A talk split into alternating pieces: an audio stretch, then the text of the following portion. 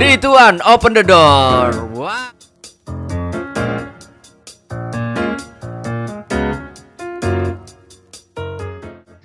Halo, wassalamualaikum warahmatullahi wabarakatuh.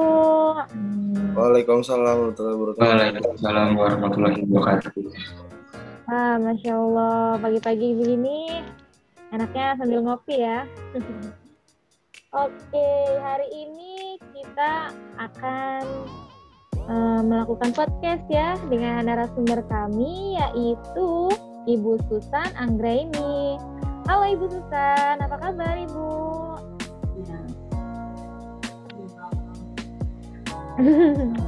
Terima kasih Ibu sudah berkenan menjadi narasumber kami hari ini. Oke, kami akan memperkenalkan diri ya Ibu ya. Sebelumnya kami adalah mahasiswa Universitas Pendidikan Indonesia jurusan kewirausahaan dari kampus Tasikmalaya. Nah, Ibu Susan Anggra ini em, boleh memperkenalkan diri sebelumnya Ibu. Nah, usahanya apa ini? Assalamualaikum warahmatullahi wabarakatuh. Waalaikumsalam warahmatullahi wabarakatuh. Warahmatullahi wabarakatuh. Selamat pagi semuanya. Pagi Ibu. Pagi Bu. Pagi Bu. Nama saya Susan Anggraini, owner dari toko susanin.com dan Sakana Food Tasikmalaya business site. Kalau pekerjaan resminya saya di bidang perikanan Dinas Pertanian Pangan dan Perikanan Kabupaten Tasikmalaya. Wah, Ibu Mau- sepertinya sangat jiwa kewirausahaannya sangat tinggi ya Bu ya. Kebetulan ya senang apa ya, hobi gitu ya hobi dagang gitu istilahnya sejak dulu kuliah gitu. sejak saya masih adik-adik di sini. Saya mulai usaha itu sekitar tahun 2015 gitu. Eh, jualan olahan ikan tapi soalnya waktu saya terbatas jadi hanya memasarkan. Waktu itu eh, biasa aja jualannya kayak nawarin paling di dulu belum ada WA ya terus BBM gitu. tapi setelah makin ke sini sekitar baru tahun kemarin sih saya buat online-nya eh, dengan maksud biar bisnis saya lebih efisien terus untuk meningkatkan pemasaran produk-produk olahan dari kelompok pengolah hasil perikanan di Kabupaten Tasikmalaya. Gitu. Jadi kan kalau produk pabrik itu sistemnya udah jelas ya, udah ada distribu, udah ada pabriknya, ada agennya. Kalau olahan ikan di eh, produk dari pengolah itu masih bersifat tradisional, kemasannya masih biasa aja, terus pemasarannya juga masih itu-itu aja. Jadi dengan adanya toko online itu bisa meningkatkan pangsa pasar mereka. Oke Ibu. Nah mungkin bisa kita lihat ya. Ada ininya Ibu. em, kegiatannya di toko online-nya seperti itu. Ya. kami itu menjual aneka olahan. Ada yang produk pabrik yang sakana, terus ada juga produk pengolahan hasil perikanannya. Ini ada contohnya. Oh, ini produk dari pabrik sakana, tapi dalam negeri ya. Biasanya saya cinta produk dalam negeri. Ini ada siomay, ada naga, gitu. terus ada ada ikado jadi ikan itu nggak hanya cuma ikan goreng atau pepes ikan aja ya semuanya ada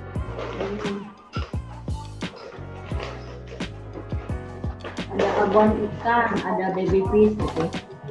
Semuanya ada di toko sisa Ini ya. eh, tampilan dari toko. Benar-benar websitenya Ibu ya. Ini Ibu yang menjalankan atau bagaimana Ibu? Eh, sebetulnya ada admin. Dulu itu tapi yo ada kesibukan lain gitu. Jadi saat ini saya yang pegang gitu Nah, kan praktis langsung ke HP saya jadi saya nggak selalu standby di depan kalau ada pesan bisa langsung aja ke HP saya Hmm. terus Nah, kami juga punya kurir gitu ya Oke, mungkin Gimana? Lukman ada teman saya, Lukman, bagaimana? Ada yang ingin disampaikan?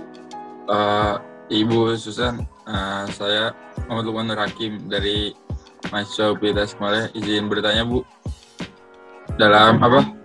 Ibu eh, memulai website, eh, kendalanya apa ya Bu?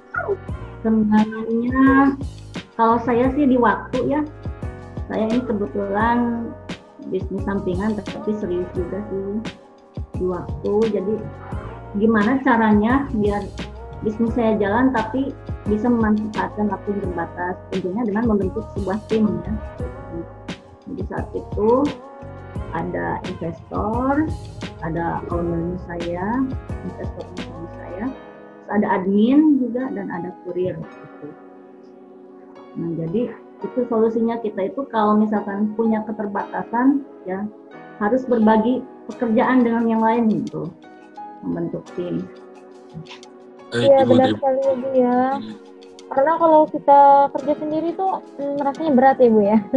Kayak itu harus ada tim. Benar. Oke deh, Ibu. Nah, sekarang ini kan sedang masa pandemi ya, Bu ya. Ya, Nah, kebanyakan usaha itu harus kreatif dan inovatif ya Bu ya. Apalagi saat ini kita memasuki era industri 4.0 ya Bu ya. Di mana pemasaran harus menggunakan digital. Nah, itu adalah salah satu eh, strategi terbaik ya di saat ini gitu. Nah, menurut Ibu, bagaimana potensi ekonomi digital tersebut di Indonesia, Bu? menurut saya potensinya besar sekali. Kalau nggak salah kita kan netizen Indonesia itu ketiga ya setelah India apa ya. Jadi hmm, itu wah itu calon pasar potensial gitu kalau kita mampu eh, menarik perhatian mereka.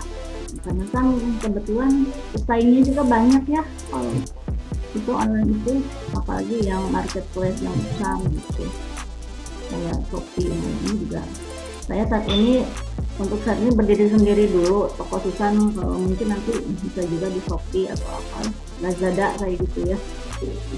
Ya intinya kita harus harus aktif untuk karena kebetulan di masa pandemi ini terus awal-awalnya yang eh, tahun kemarin terus awal-awal muncul corona justru omset kami meningkat gitu. Karena kan orang-orang pada di rumah dengan nyetok makanan yang lagi ya udah alhamdulillah gitu ada peningkatan. Hmm. jadi intinya kalau ingin menang dari pesaing ya pertama dikuasai dulu ilmunya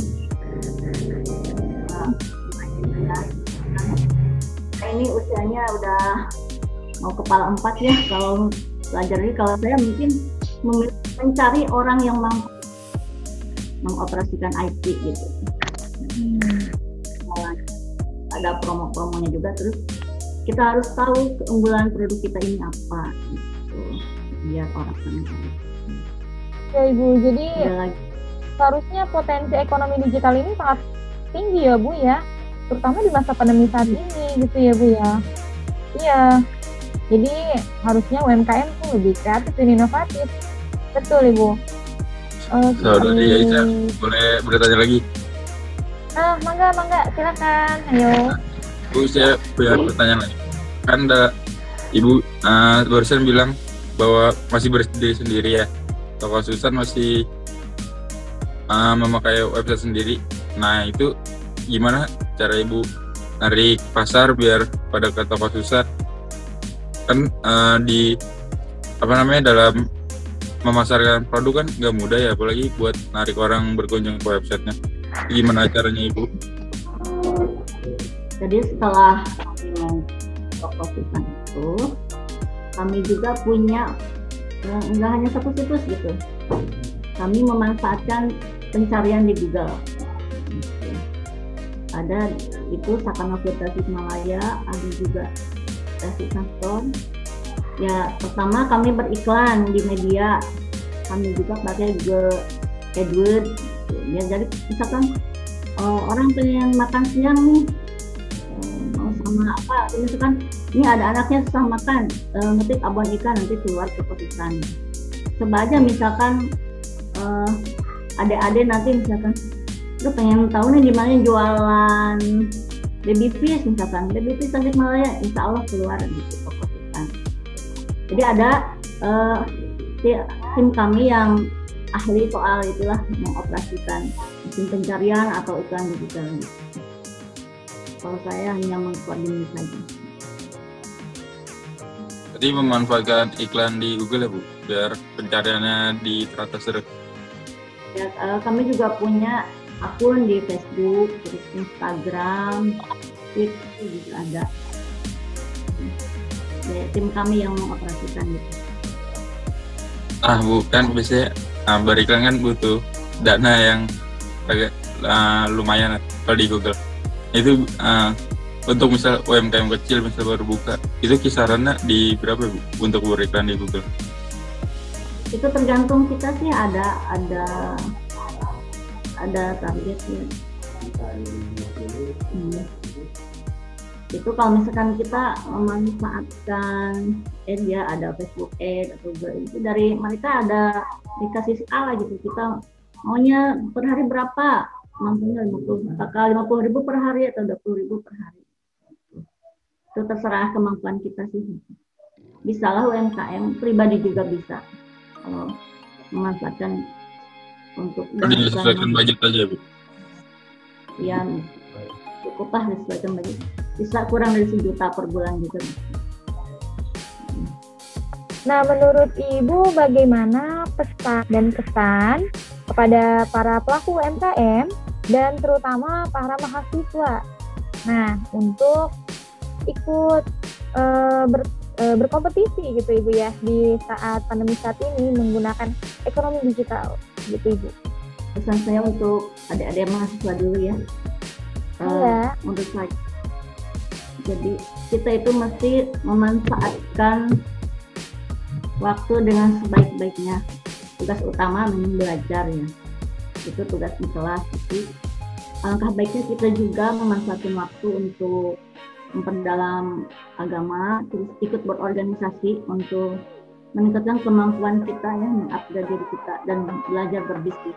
Kalau punya ide lakukan saja. Jangan nanti aduh gimana kalau gini gimana kalau kurang gimana kalau nggak ada pasar nanti juga mengikuti. Step by step kita itu nggak bisa langsung besar kan? Manusia juga dari bayi dulu kecil dulu. Percaya diri aja Allah pasti bisa gitu dan kalau kita udah melakukan ide itu ide-ide yang lain datang sendiri otomatis kita jadi kreatif dan bergabung juga sama orang-orang yang kreatif gitu. nanti eh, yang ah ini mentang-mentang libur gitu rebahan aja gitu terus aja melakukan hal yang terbaik gitu. terus buat UMKM ya kita juga harus kreatif gitu meningkatkan kapasitas diri bisa banyak kan sekarang fasilitas untuk UMKM dari pemerintah gitu dari yang pertama sih kalau syarat untuk bisa dikirim keluar itu pertama kemasan ya, yang standar ada izin-izin yang harus dipenuhi kayak halal atau tidak halal ya atau KIRT atau lain itu harus dipenuhi sehingga dapat fasilitas dari terkait.